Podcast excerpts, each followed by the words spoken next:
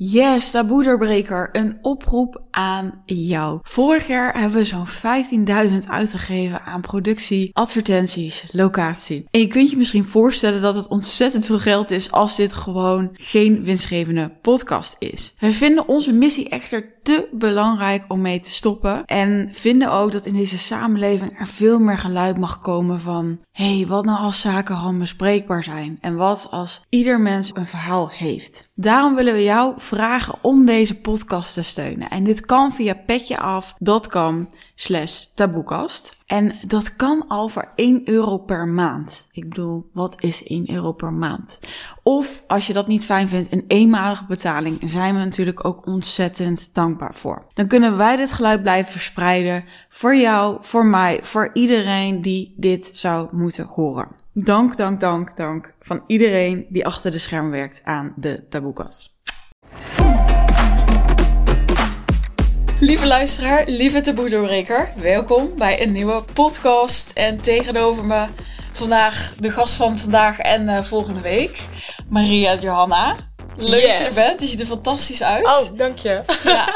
En um, voordat wij uh, de diepte ingaan straks over plantmedicijn en whatever comes up. Uh, we hebben wat luchtige vragen altijd, maar de vraag dat jouw naam is aangepast. Dus ja, uh, dat stel jezelf, net. Ja, stel jezelf voor en neem ons meteen even mee in, in, in deze info. Ja, ja, nou, ja, jij vroeg me dus net van, hoe moet ik je voorstellen? Maria, Maria Johanna of Maria Johanna? En zei ik, ja, nee, ik heb mijn naam veranderd. Dus ik heb wel bewust gekozen voor deze namen.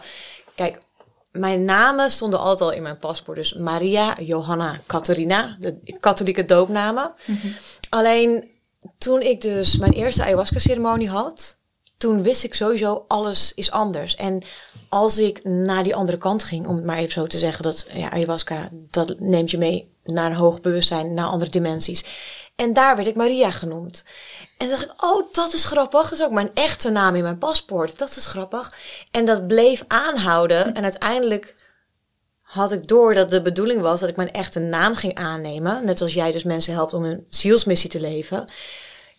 Werd mij getoond dat als ik niet mijn echte namen zou, zouden gaan dragen, zou ik ook nooit mijn echte missie gaan leven.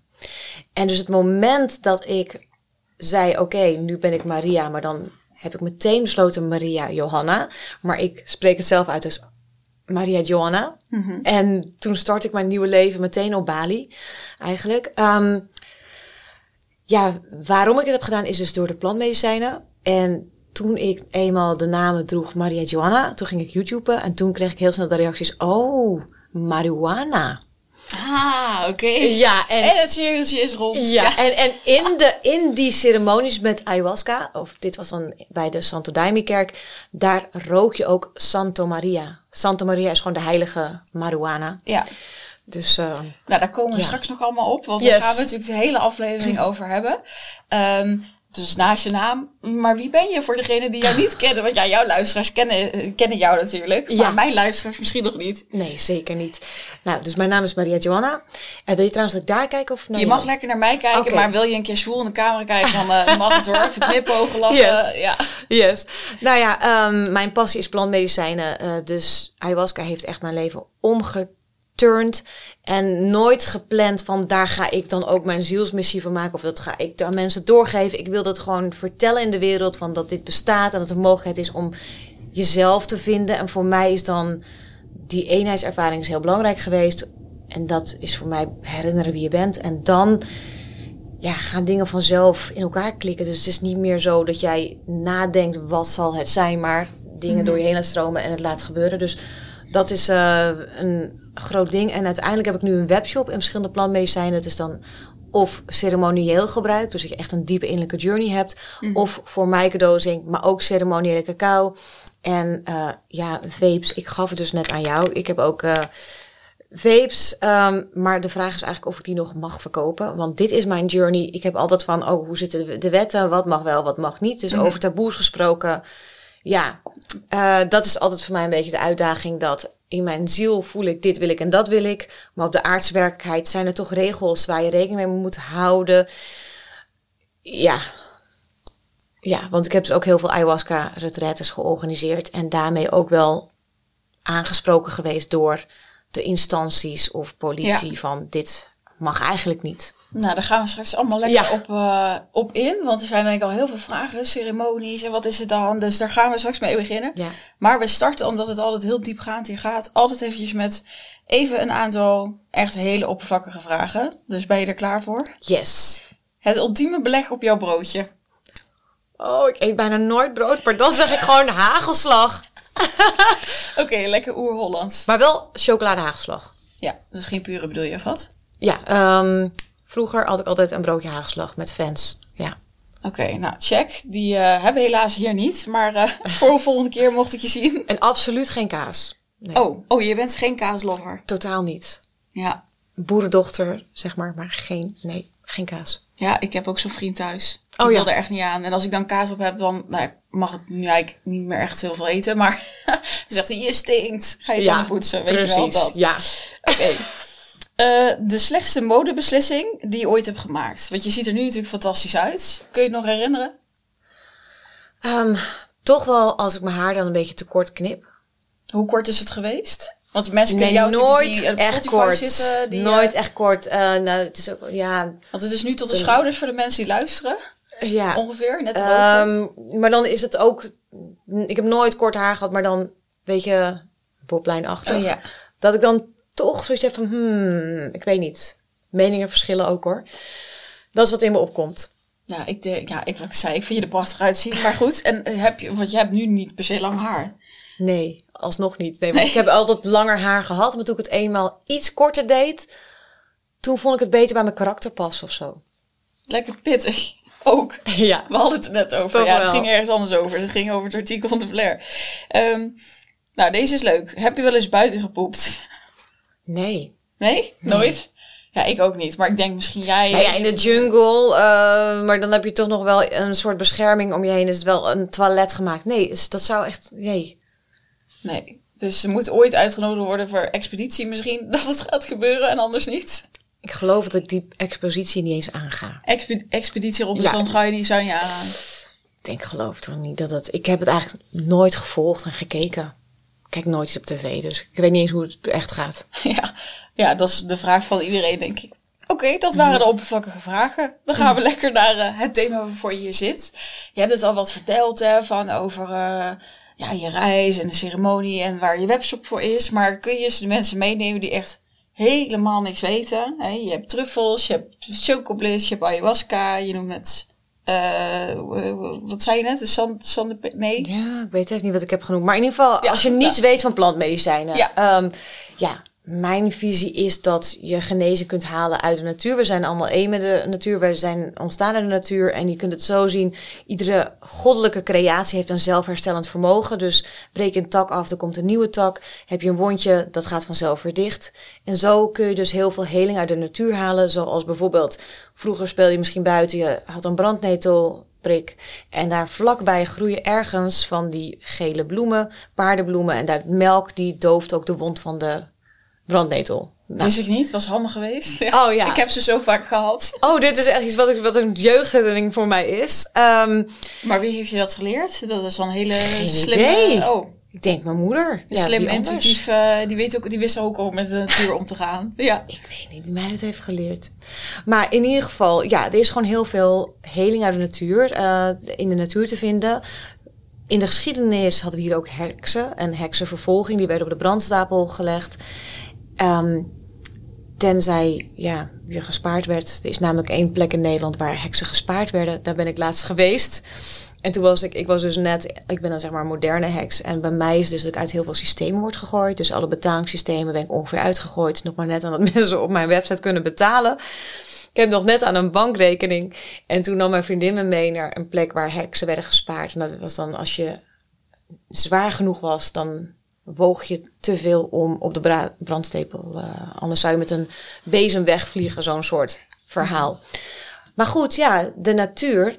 ehm, wij hebben een bezieling. Heel veel mensen zijn dat vergeten. En voor mij is dat ook de grote ontdekking, waardoor ja, je je compleet kan voelen, waardoor je je pad gaat vinden, waardoor je minder in je hoofd zit, maar het leven meer laat gebeuren, dat je veel meer vertrouwen hebt. En zo heb jij een spirit, maar ook hebben alle levende wezens hebben een spirit. iedere plant heeft een eigen kwaliteit, een eigen spirit. En die kun je dus ontdekken ja, door middel van psychedelica. Uh, mijn eerste ervaring was dan met ayahuasca. En ayahuasca noemen ze in de jungle ook de moederspirit. En dat is ontdekt doordat een tribe member, die was heel verdrietig, die was zijn moeder verloren. Die ging de jungle in en die kende alle planten, maar er was één liaan die hij niet kende. En dat was een liaan waar helemaal geen vocht in zat. Dat in een liaan, liaan zit normaal vocht. En toen dacht hij, wat als ik deze ga koken? Hij heeft de liaan gekookt en gedronken. En toen werd hem aangewezen van ga deze plant combineren met een ander blad. En dat is een uh, blad van de chacruna. Dat noemen ze ook wel Rainha da Floresta, koningin van het woud uh, in de jungle. En hij heeft die planten samengekookt. En dat zegt ze ook wel eens het huwelijk van de twee planten. Dus de een is de liaan waar de mouwremmer in zit. Een mouwremmer, dat is ook een natuurlijk antidepressivum. Dus dat zou ook helpen als je dat iedere keer in kleine beetjes zou doen. Even over microdosing. Dat je lekker in je vel komt. Um, maar de, de die zet stop aan enzymen in je maag die normaal de DMT afbreken. Dus je hebt DMT heb je in je lichaam. Dus iedere goddelijke creatie bevat DMT. En dat betekent ook dat je een zelfherstellend vermogen hebt. Dus iedere plant, ieder dier en wij ook. En deze stopt dus de afbreuk van de DMT. En in de andere plant, in de bladeren, en mhm. daarom wordt het ook een thee genoemd, je kookt het heel lang, daar zit een hele hoge concentratie van DMT in. En dat samen noemen wij dan ayahuasca, maar eigenlijk is alleen al de liaan, wordt in de jungle de ayahuasca genoemd. Nou, die koken dus samen heel erg lang. Hij heeft het gekookt, hij heeft het tot zich genomen en hij kwam dus in de wereld van moeder ayahuasca. En daar ontmoette hij ook weer zijn moeder. En daar kreeg hij de missie om dit door te geven aan de tribe members. Dit is een mythisch verhaal dat ik in Peru heb geleerd. En zo is dus ayahuasca ontdekt. Maar je kunt zien dat in de oude culturen dat in heel veel landen iets was in de vorm van ayahuasca. Je hebt ook een uh, bekende plant, of eigenlijk zaden uit Iran, waar je gemakkelijk ayahuasca mee kan maken. Um, ja, in Egypte, je hebt eigenlijk overal, in Bali. In Bali heb je het ook. Ik heb wel eens een koning ontmoet in Ubud. Die zei, ja, oh, ayahuasca, oh, dat bedoel je. Oh ja, dat heb ik mijn vrouw ook gegeven. Iedere bevalling die ze had van onze kinderen. Oh, oh. Ja, dus het koningshuis in Bali is daar ook mee bekend. Ja. ja. En je zei van, hé, ik heb dit verhaal uit Peru. Is dat uh, ook een plek waar je dat dus hebt uh, gebruikt? Of ja, ja. gebruikt? Ja, ja, ja. ja. Dus uh, Peru, um, Brazilië, um, Ibiza en Nederland, dat zijn de plekken waar ik dan ayahuasca heb gedaan. Niet in Bali. Um, ik zou dat toch niet durven. Omdat, nou, om een soort taboe te noemen, een ja, ex-vriendje waar ik heel kort mee was, maar die is in de gevangenis beland in Bali. En dat heeft wel heel veel indruk gemaakt op mij. Dus ik zal niet daar iets durven, want dit is echt zoveel mensen in de DM. Waar kan ik ayahuasca doen? Kan ik een ceremonie bij jou doen? In Bali doe ik, ja, doe ik dat gewoon zeker niet omdat het daar gewoon zo strikt is en hij is daar eigenlijk voor opgepakt in, uh, in de Hij zou levenslang, oh, hij zou uh, geëxecuteerd worden. Dus want er staat gewoon de doodstraf op in Bali. Uh, dat is uiteindelijk toch niet gebeurd, maar het is zo'n heftig, ja, ik, I don't want to go there, zeg maar. Dat, ik ga en het Koningshuis gebruikt het ook. En, uh, ja, maar dat is dan, dat noemen ze dus ook geen ayahuasca, maar dat is gewoon iets van uh, wat in de hoge kringen, of in, ja, een heilig medicijn is. Dus ja, ik denk dat daar nog niet eens een wet voor is. En dit ging trouwens ook niet over ayahuasca, dit ging over, uh, over wiet. Oké, ja. Mm Hey, even terug naar jouw verhaal. Van, hè, want je zei, dit was mijn eerste keer. Kun je ons meenemen in wat jou dan zo heeft getrokken de eerste keer? Ja. Ik had een... En hoe oud je was? Ja, ik was 28. Um, ehm, ik ben nu 38. En ik had een vriend uit Brazilië. Hij vertelde mij over ayahuasca. Dat had hij dus één keer gedaan. En ik weet nog, op dat moment was ik op het vliegveld. Ik ging onverwachts naar Spanje. En toen belde ik hem en zei hij, oh, ik heb iets gedaan. Um, dus hij zei de naam en ik zei, oh, ik weet niet wat het is, maar ik wil het doen. Als ik terug ben van Spanje, ik wil het zo snel mogelijk doen. Dus zo ben ik er gewoon ingestapt, omdat wij dus, toen we elkaar ontmoetten, gingen we heel veel dingen ontdekken. Dus ook mediteren, uh, nou, allerlei dingen in persoonlijke ontwikkeling, altijd documentaires kijken. Mhm. En toen had hij dit gevonden. Dat ik, oh, nou, ik ga met je mee, ik wil zo snel mogelijk. Dus ik heb me niet ingelezen in wat ayahuasca was of iets. Het was dus in een kerkgemeenschap in Brazilië, of ja, een Braziliaanse kerkgemeenschap. En ik was heel netjes gekleed, want ja, wat ik dan wel weet van de kerk. Want ik ja, ben wel gedoopt, maar ik zou niet zeggen, ik beoefen katholieke religie, dat doe ik niet. Maar ik was dus heel netjes gekleed, uh, zo echt van kokerrok, mantelpakje aan, hakken aan. Ik dacht, ja, dit is gewoon een bijzondere kerkmis. Um, maar ja, ik werd daar ook eigenlijk wel een beetje uitgelachen. Want ja, dat was toch iets heel anders wat ik aanging. Uh, um, maar het is heel mooi Zat om... je dan lekker met je hakken? Ja, die heb ik dus wel uitgedaan. Ja, ik kreeg, ik kreeg gewoon andere kleding. En, um, en voor mij was het dus heel mooi om niet te hebben ingelezen. Geen idee te hebben wat ik aanging. Maar puur op dus intuïtie, dit wil ik doen. En ik wist gewoon zo zeker, dit wil ik doen.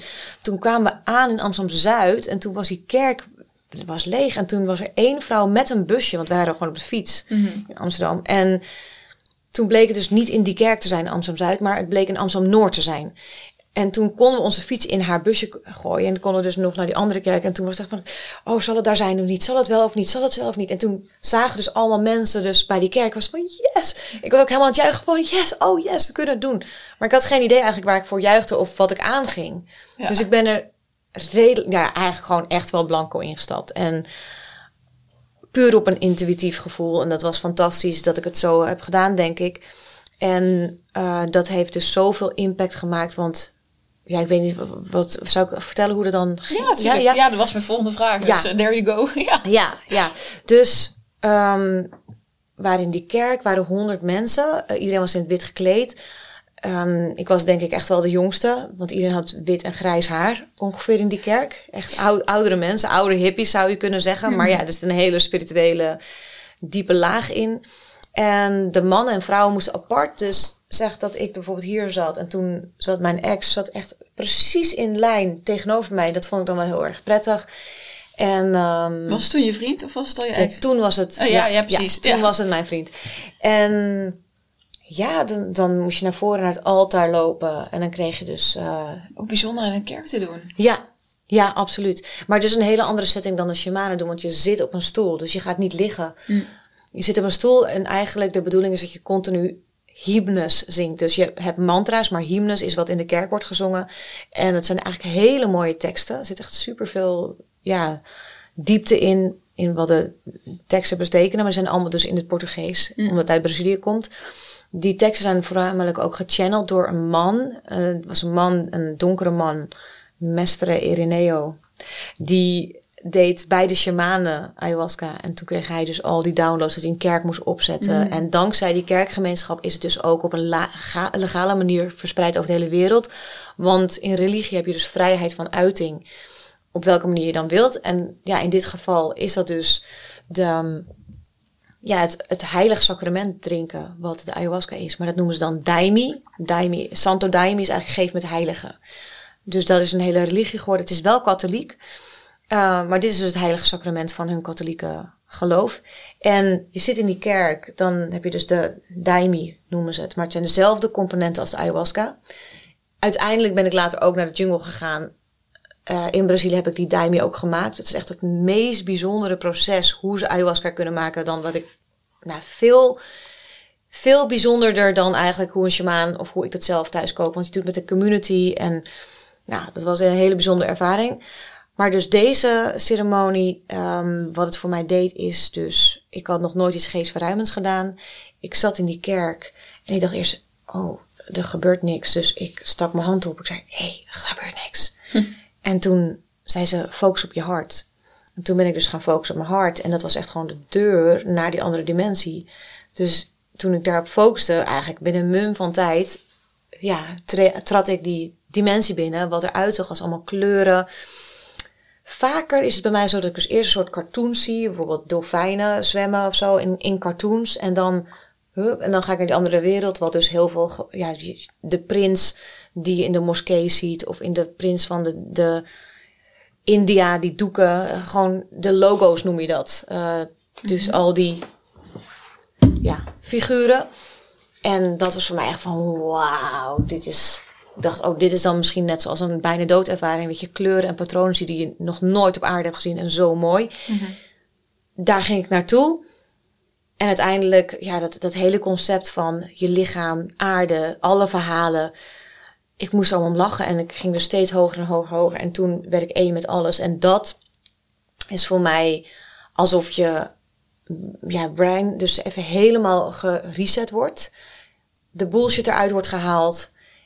En kom je als ander mens terug. Dus je kunt daardoor echt een hele jump maken in ook traumaheling, angsten loslaten, Ja. anders denken, anders naar de wereld kijken. En ook veel krachtiger voelen in je hart. Want ik zei toen, oh, het is net of ik in mijn hart ben gevallen. Dus je hart wordt sterker. En ik geloof ook dat eigenlijk de natuur is van de mensen. Je hart komt eerst en daarna het hoofd. En het hoofd kan het hart ondersteunen. Maar we zijn helemaal gewired als nadenken, strategisch, slim, rationeel, logica. Want je gaat eerst de opleiding doen, dan dat en alles volgt elkaar op. En daar komen mensen ja, in de knoop van, hé, maar dit past helemaal niet bij mij. En dat is eigenlijk ook mijn pad geweest. Dat ik,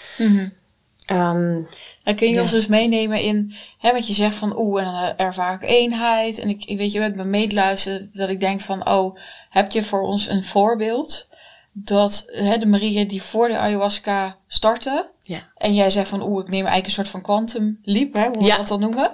Eh, tegenwoordig, lekker hip. Ehm, en wat was dan wat je ervaarde toen je dan, nou ja, de, van dat die ervaring terugkwam? Ja. Weer in je lijf en hier op aarde. Dus het is eigenlijk ook wel, ik stapte in als Mariette en ik kwam eruit als Maria. Ah, Zo kun je dat, dat wel was zeggen. keer ook. Ja. Ik heb dat niet direct gedaan. Ik denk dat als je grote keuzes maakt, dat je het niet overnight doet. Net zoals een zwangerschap ook zeg maar negen maanden is. Zo heb ik eigenlijk ongeveer negen maanden geduurd tussen de eerste ceremonie en dat ik echt eh, mijn naam ging aannemen. Dat is letterlijk negen maanden.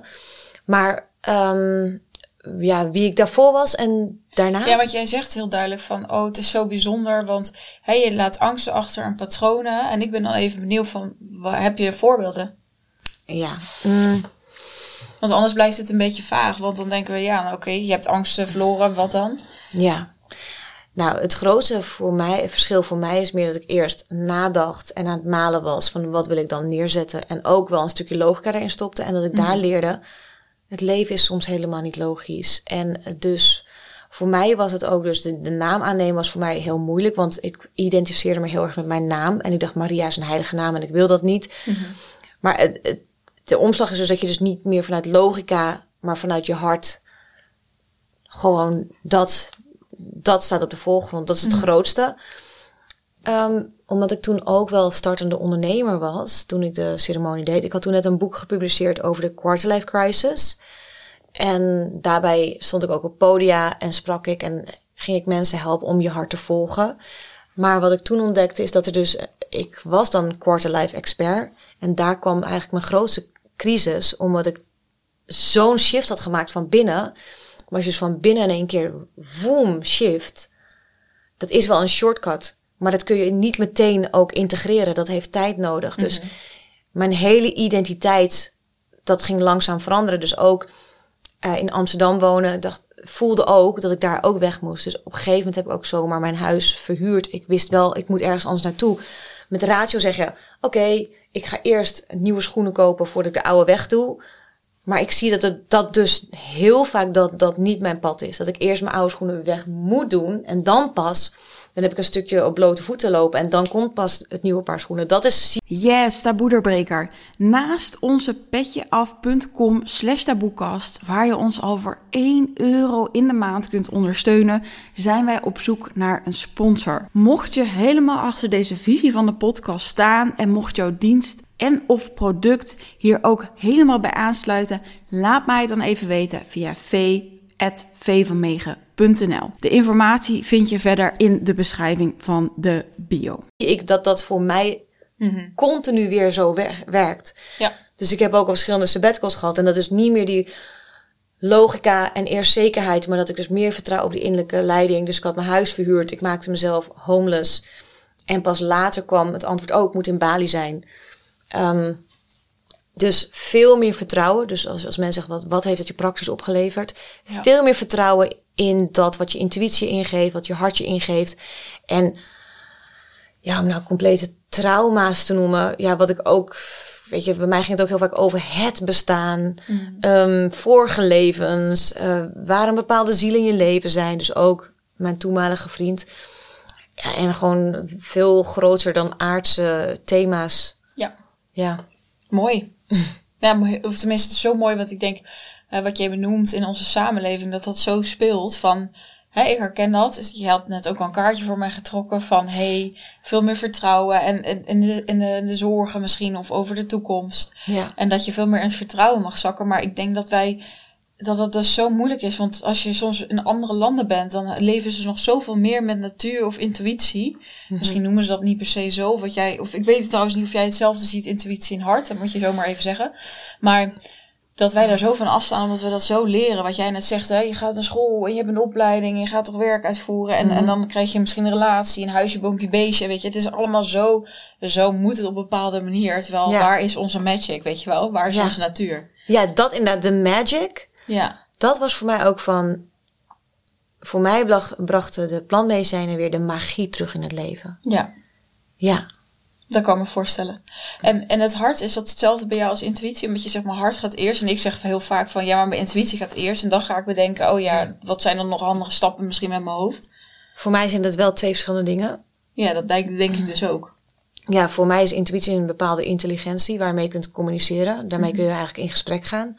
Dat heb ik ook heel erg geleerd in de plantmedicijnen. Dat je dan dus met een spirit in gesprek hebt, een interactie. Dat is bij mij wat nou, eigenlijk iedere ceremonie wel gebeurt. Ik heb begrepen dat niet iedereen dat heeft. Maar voor mij is het echt dat de spirit tegen mij praat. En dat is ook wat daarna is gebleven. Dus de intuïtie. Maar zoals ik het ervaar is... Oké, ik kan heel makkelijk mijn intentie naar binnen gooien. Een soort symbolisch. En dan tune ik in op de energie die spreekt. En dat is voor mij de intuïtie. Mijn hart is meer, is eigenlijk dan, dan denk ik dat ik nog dieper ga en stiller, stiller moet zijn om echt te voelen. Maar de intuïtie is meer een- waar ik de conversaties mee heb. Mooi. Ja, dus jouw manier. Ja, want ik denk aan intuïtie, dan ben ik echt met mijn higher self of zo. Ja. Die geeft gewoon meteen iets door en, en glashelder. Ja, En hart is voor mij nog veel meer, ja, ik weet niet, compassie of... Ja, nou ja, goed. Ja. Daar ben ik nog niet zo achter dus. Dus ik vind het leuk om naar je te luisteren. ja. En je hebt die ayahuasca gedaan. Eh, je hebt het denk ik vaker gedaan. Maar ik kan me voorstellen dat er mensen luisteren. Ik zelf ook. Ik heb dat... Ik heb veel dingen gedaan. Ayahuasca nog niet. Wat, eh, wat zou je daarin willen ja, meegeven in de zin van... Wat als je ayahuasca gaat doen? Want jij wist niks. nee. Terwijl als ik naar ayahuasca nu op zoek ga of zo, weet je wel, of, of sites, dan, Ja. dan, ehm eh er kwam even iemand binnen. Dan ben ik veel meer aan het, weet je wel, dan ben ik het al aan het zoeken en, en er staat van allerlei informatie en dit moet je wel doen en dit moet je niet doen. Ja. Ja, nou, dan is eigenlijk het antwoord ook weer je intuïtie volgen. Mhm. Kijk, ik had helemaal niet iets. Voor mij zou ik zeggen, het is niet nodig om. Nou, uiteindelijk is mijn pad dus geworden ook dus om ayahuasca-ceremonies te faciliteren. En je zag ook vaak dat sommige mensen zeiden: Ja, ik werd midden in de nacht wakker. Ik had het woord ayahuasca in mijn hoofd. Ik tikte het in en kwam op je website. Mhm. Dus ja, zo, ik heb echt vaker dat de helft van het retreat niets van de ayahuasca weet. Maar ik heb ook vaker, en dat denk ik nog wel veel vaker hoor, dat mensen zoveel hebben gelezen en zoveel hebben gestudeerd. Maar je kunt het zo zien dat alles is een energie, alles is een bewustzijn. En ineens word jij zeg maar aangetikt van jij bent er klaar voor. En sommigen hebben dat nooit, dat gevoel. En anderen hebben heel lang het gevoel en luisteren daar nooit naar. Ja, dus het is, het is zeker niet iedereen's pad. Maar voor mij is het absoluut, en ik heb dus heel veel, ik weet niet hoeveel, maar ontelbaar keer ayahuasca gedronken. Omdat ik ook als ik faciliteerde, dronk ik het ook. Maar ik heb dus ook heel veel eigen ceremonies gedaan. En dat, dat betekent dus niet dat je dan zegt, en nu ben ik voor altijd geheeld. Want dat bestaat gewoon, denk ik, niet in het aardse leven. Nee, Dat je echt dat je klaar bent. nee, dat bestaat denk ik Dat niet. denkt het ego misschien af en toe, maar ja, het is altijd weer wat nieuws. Eh, en er is altijd zoveel, het is- ja. Maar hè, want ik had het meer over ook praktische dingen. hè, Want je leest Ja. van dit moet je wel niet drinken, je moet dit niet eten. Maar jij hebt zoiets van nou. Oh je, nee, toch alles- wel. Oh nee, dat vind ik evengoed toch wel. Omdat dat er wel dingen zijn die je wel en niet moet doen. Dat, Ja, en daar bedoelde ik, dat bedoelde Ja. ik een beetje. Dus daar ben ik dus, daar heb ik ook nog steeds een blog van staan op mijn website. Dus dan bijvoorbeeld drie weken van tevoren. ehm, ja, het is eigenlijk gewoon wel zo hoe schoner je jezelf voorbereidt, hoe beter je journey is. Dus als je wel bijvoorbeeld een, een fasting echt zou doen, ja, dan dat heeft wel effect op je, op je reizen. wat dus, bedoel je met de vasting? dus je, als je echt bijvoorbeeld een eh, cleansing zou doen met eh, sappen bijvoorbeeld. Of ehm, ja, dat heeft zeker invloed. Ehm, ik heb toevallig dit jaar voor het eerst zeg maar Ramadan gedaan.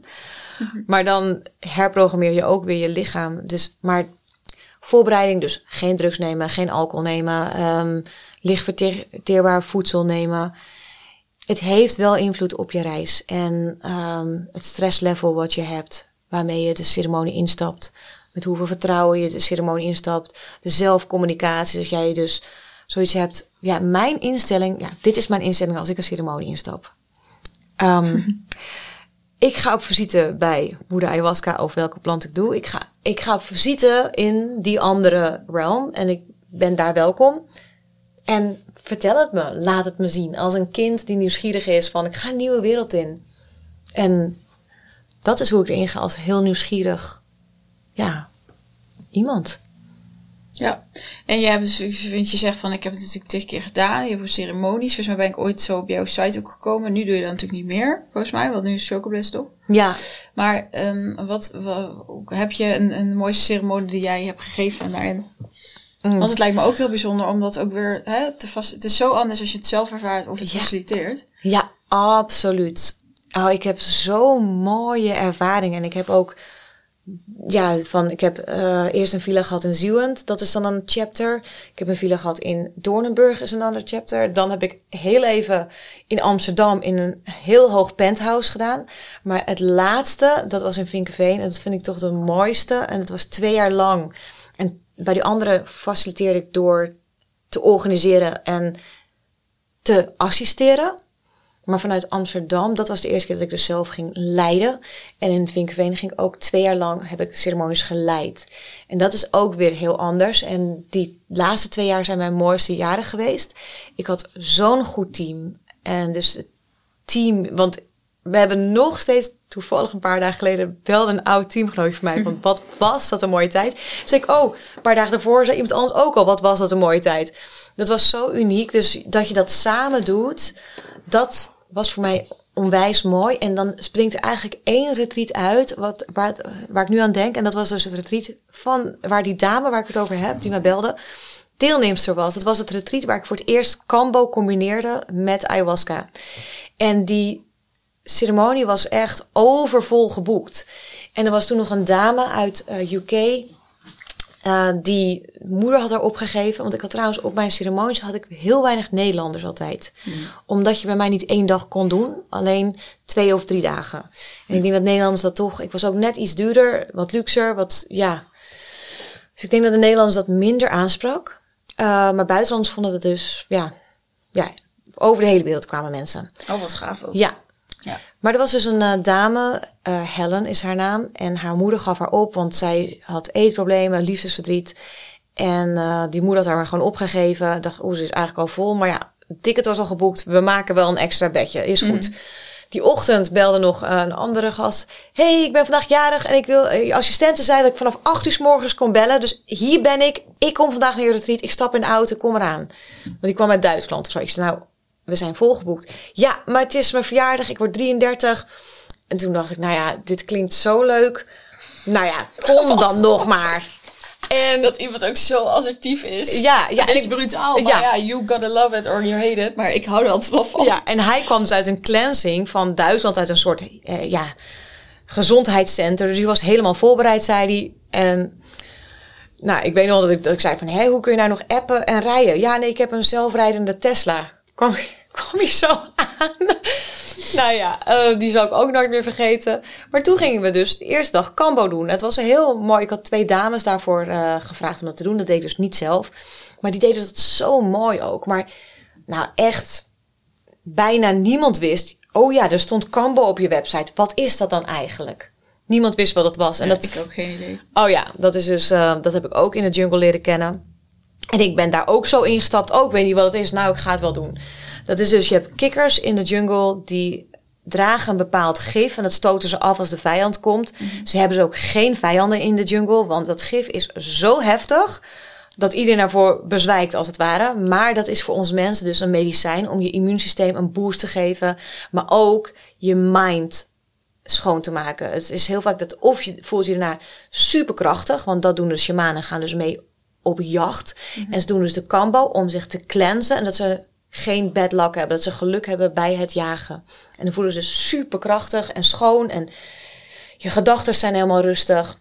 Dus je kunt gefocust op jacht gaan. En omdat je spirit ook wordt gereinigd, heb je meer geluk. Dat is hoe het in de jungle wordt gebruikt. Maar wij gebruiken dus om ja, ook depressies, malen, zorgen maken, dat soort dingen. Maar ook je gezondheid. Het is heel goed voor je gezondheid. Er is nog niet veel studie naar gedaan, maar het heeft zoveel bepaalde nutriënten en mineralen. Ik weet niet eens hoe je het noemt eigenlijk, maar dat is zo uniek dat het dus een onwijze cleanse geeft. En ook veel bij chronische ziektes wordt ingezet en dergelijke. Uh, maar wij gingen dat doen die dag. En als je dus dat dus doet voor een ayahuasca-ceremonie, heb je zo'n diepe reiniging. En wat er dus gebeurt, je drinkt eerst bij heel veel, maar iedereen doet het op een andere manier, drink je eerst twee liter water, dus heel veel water. En dat is dan de geleider, dat als je gaat overgeven, want vaak moet je overgeven, gaat het dus met dat water eruit. Dus de functie van het water drinken is dat het de geleider is die dus de kambo die gaat scant je hele lichaam. En dan En dan de ja. toxic eh, komt eruit Ja. uit. En je wordt ook heel ziek. Maar het is dus even, even word je heel ziek. En dan gaat eruit. En dan of voel je de rust zelf. Of ben je krachtig. Of ja. Maar je voelt je direct eh, wel een ander persoon. Ja. En dat in combinatie met de ayahuasca. ja, dus dat deden we op één dag. Ja. Dan gingen we slapen. En dan de volgende dagen, twee dagen ayahuasca. Dat vond ik het mooiste retreat. Omdat ik wel vier mensen in ceremonie had die echt overwogen om zelfdoding te doen. En er was één vrouw die was moeder en die had zo'n depressie dat ze in het ziekenhuis haar hersenen had laten behandelen, waardoor ze dus, daar krijg je geheugenverlies van, maar daardoor zou je ook je trauma's kunnen eh deleten. Maar dan weet je ook gewoon, ze had een wereldreis gemaakt, ze wist daar niks meer van. En toen dacht ze van, ik kan weer die behandeling doen, maar dan weet ik de jeugd van mijn eigen kind niet meer. En dan kan ik mijn eigen kind niet meer vertellen hoe zijn jeugd was. En dat vond ze toch wel zo heftig. Toen heeft een therapeut gezegd, ga naar Maria. En die heeft de hele autorit, twee uur lang, haar moed in zitten laten praten van, ga naar Maria, ga naar Maria, zet dit voort, zet dit voort. Dus zij is toch bij mij aangekomen. En zij lag met die Helen apart. Want we waren ook met een grote team van begeleiders. Dus die lagen echt apart van de groep boven. Omdat het eigenlijk gewoon vol was. Ja. En eh, die hebben hele heftige reizen gehad. En dus die dame die dus die geheugen had laten wissen. Zij zat ochtends bij mij op de steiger in de tuin. En dan kwam de zon altijd heel mooi op over de Vinkenveense plassen. Ze heeft daar een foto van gemaakt. Die heeft ze uitgeprint in een kaartje gestopt en naar mij toegestuurd. Van, jij hebt de zon weer doen opkomen in mijn leven. Zo heeft ze het aan mij geschreven. Dat zal ik nooit meer vergeten. En daar was nog een jongen uit ja, Finland, die dus ook eh, later weer is teruggekomen, twee keer met zijn vriendin, die ik nooit zou vergeten. En dan hadden we nog een jongen uit Zweden, die ook dus zelfdoding overwoog. zou ik ook nooit vergeten. En dan hadden we nog allerlei mensen met depressies in die groep. Het was gewoon zo'n, zeg, er waren zo grote transformaties. En dat ook iedereen gewoon dacht, ik heb hulp nodig, ik ben hier. Kambo, geen idee wat het is, maar het stond op de website, ik ben hier. Ja, en dat, dat was. Uh, en we hadden dan een paar hele vrolijke mensen erbij. Waaronder dus die uiteindelijk die met team is gaan werken. Nou, die jongen die in die auto stapte was echt een uh, hele vrolijke gast. En dan hadden we nog een paar. Dat was, ja, het, het was gewoon zo'n bijzonder retreat. Omdat er onwijs grote transformaties plaatsvonden. En dat is dan het retreat wat mij het meest is bijgebleven. Ja, dat snap ik wel. Maar ook zo mooi omdat we hebben in de, in de boekkast seizoen 1 hebben we het ook heel veel gehad over um, depressie, niet goed voelen en ook een stukje inderdaad al levensmoe. En dat wij vaak zo zitten in de westerse zorg en het maar praten. En dan denk Ja. ik, wauw, weet je, het is niet van, oeh, nou moet ik, als ik dit hoor en ik herken het, en dan, dan ga ik dat maar doen. Als een soort oplossing, want het moet je misschien ook ergens roepen, maar Ja, ik heb een, um, wat even in me opkomt. Kijk, ik heb het dus over, mijn bedrijf heet dus House of Oneness en dat alles één is. En ik heb een boekje, een heel simpel, heel oud boekje uit, is het 18 nog wat? dat is echt oud dus. Ja, in ieder Ik geval. wil zeggen, ik dacht even dat je het zelf had geschreven, maar dat eh, gaat het niet worden dan. Ja, misschien de vorige leven. oh ja, maar- dat, is ook, dat kan natuurlijk ook. Nou, het, was, eh, het is een speech van een, eh, van een opperhoofd van een stam. En het boek heet Kun je de lucht bezitten? En daarin komen dus de westerse, de witte mensen komen naar Amerika. En dat gaat, dit speelt zich af in Washington. Ik weet echt niet meer het jaartal, maar in ieder geval zegt hij het opperhoofd van Washington heeft gesproken. Hij wil vrienden met ons worden. En dan gewoon, het is natuurlijk een illusie dat die vrienden wil worden met de tribes. Ze die willen ze gewoon weg hebben, zodat ze het land kunnen inpikken. Maar zij begrijpen dus niet van hoe. Uiteindelijk gaat dit verhaal trouwens over de eenheid. Maar zij begrijpen niet van hoe kan de witte mens nou haar eigen moeder bezitten? Want zij zien de aarde, dat is de moeder en vader is in de hemel. Hoe kun je nou je moeder bezitten? Want de Westelingen hebben gewoon een stuk papier, een teken hier en dan is de grond van ons. En dat vinden ze zo raar. En dan denk je ze, oké, dan wil je de grond, maar is de lucht dan inclusief? En dat is de lucht, die, weet je, die kun je dan, die denk jij dan te bezitten, maar dat is dezelfde lucht als onze voorouders ook in en uitademen. En het is de lucht, het gaat door de boom en het ademt door de rivieren en alles. En daar zijn onze ancestors. Wij zorgen hier in ons territorium voor onze ancestors. Maar hoe kun jij dan van de andere kant van de wereld onze ancestors, ons territorium dan beschermen? Dus ze snappen daar niets van. En ze laten allemaal zien hoe gek de witte mens is. Van die gaat met ijzeren treinen door het land. Dus uh, ijzeren paarden noemen ze het in het boek. En die schieten dus alle dieren schieten ze dood. Maar dat kunnen ze nooit beeten. En dat alles handel is voor de witte mensen. Ze snappen er gewoon helemaal niks van. Hoe kun je nou handelen in je broeders en zusters, de dieren? En mm het gaat zo door. En uiteindelijk is dus van: oké, we zullen ons moeten overgeven aan de witte mensen. Omdat ze ons alles anders zullen uitmoorden. Dus we moeten maar dan instemmen met hun gekke plannen. Maar er is één ding wat de witte mens niet beseft. En dat is als zij teruggaan naar huis dan vergeten zij dus hun moeder. Maar wij zullen ons moeder dus nooit vergeten. En in spirit zullen we er altijd zijn. Dus als die mensen dus allemaal terug naar huis zijn en ze hebben dus zo hun moeder doodgemaakt, dan zullen ze op enig moment beseffen dat door hun moeder te doden iets in zichzelf doodgaat. Dus depressies en dergelijke en dat soort mm. ziektes. Maar dan op dat moment, als die witte mensen zo zijn vergeten wie ze zijn en zo alles hebben doodgemaakt, dan zijn wij er in spirit om hen weer te helpen herinneren. Mm. En daar voel ik mij heel erg toe voor, ja, aangetrokken dit verhaal, omdat ik vaker ook in ceremonies naar voorgelezen ben geweest, alsof ik dus in zo'n tribe was en alsof ik dat al voorzag. Ja. En daardoor vind ik dat uh, boekje heel erg aanspreken. Wat een prachtig verhaal. Ja. Ik, ik ben geraakt inderdaad van, ho, holy, van hoe gaan wij eigenlijk met de natuur om? Ik zit er zelf nu aan te denken. Ja. Maar gewoon, weet je, jij zei dat net al. En uh, ik denk dat voor de, dit is sowieso de taboe doorbrekende podcast van spirituele, maar dat denk ik niet. Heerlijk. Maar dat ja. Maar, um, ja, ik, jij zei dat net al van, oh alles is natuur en alles is één. En ik, ik weet dat ergens, maar hoe leef je ernaar of zo, weet je? Dus, dus bij mij in ieder geval een groot verschil. Ik denk bij veel mensen dat je, ja. Weet je, je stapt in een auto, je rijdt over een, een aangelegde weg en de, weet ik het ja. wat, je, je, loopt wel eens, maar waar loop je nu nog echt in de natuur, weet je wel? Je moet dat echt opzoeken. Ja, maar dat is voor mij natuurlijk ook zo, hè. En mhm. ik weet nog dat ik dus... Dat ik ja, jij komt er ook aan in je mini Coopertje. Ja. Prachtig ja.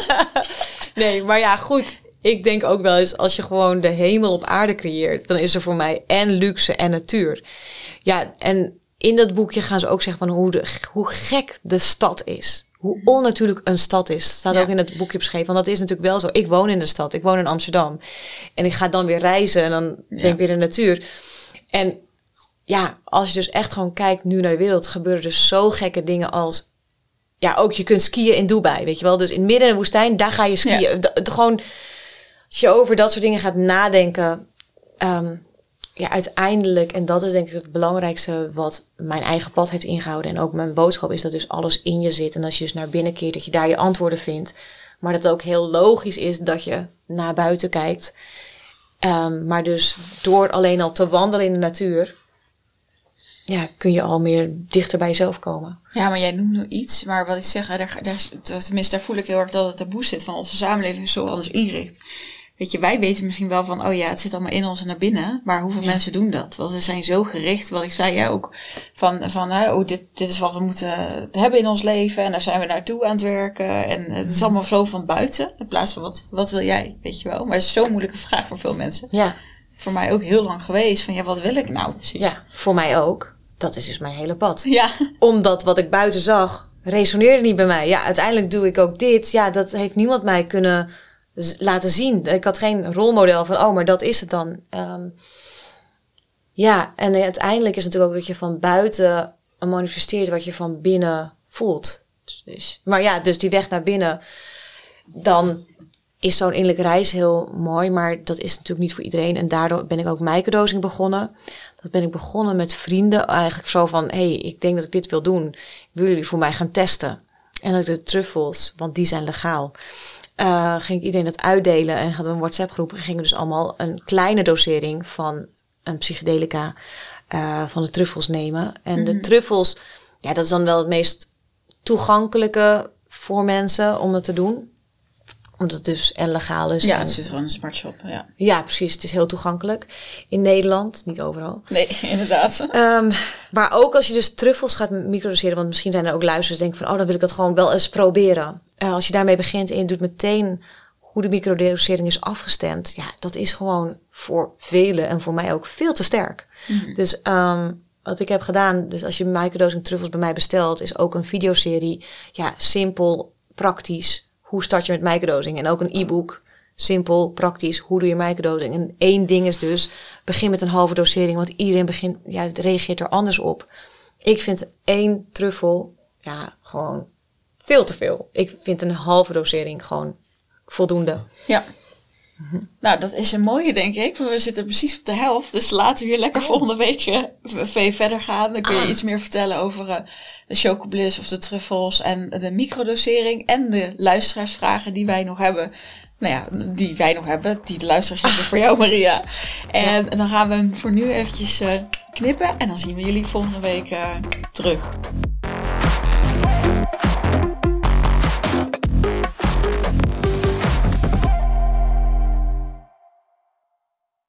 Yes, taboe-doorbreker, even een oproep aan jou. Sta je achter onze missie om veel meer bespreekbaar te maken? Vind je de gesprekken die hier gevoerd worden ook zo mooi inspirerend, rauw en puur? Ondersteun dan onze nationale missie en word taboe-doorbreker van onze podcast. En dit kan via petjeaf.com slash taboekast en je wordt al donateur met 1 euro in de maand. En je kan ook kiezen om een eenmalige donatie te doen. Nou, ik hoop dat je deze podcast met ons wil ondersteunen. Let's create a movement together. En dank, dank, dank van iedereen die naar deze podcast luistert.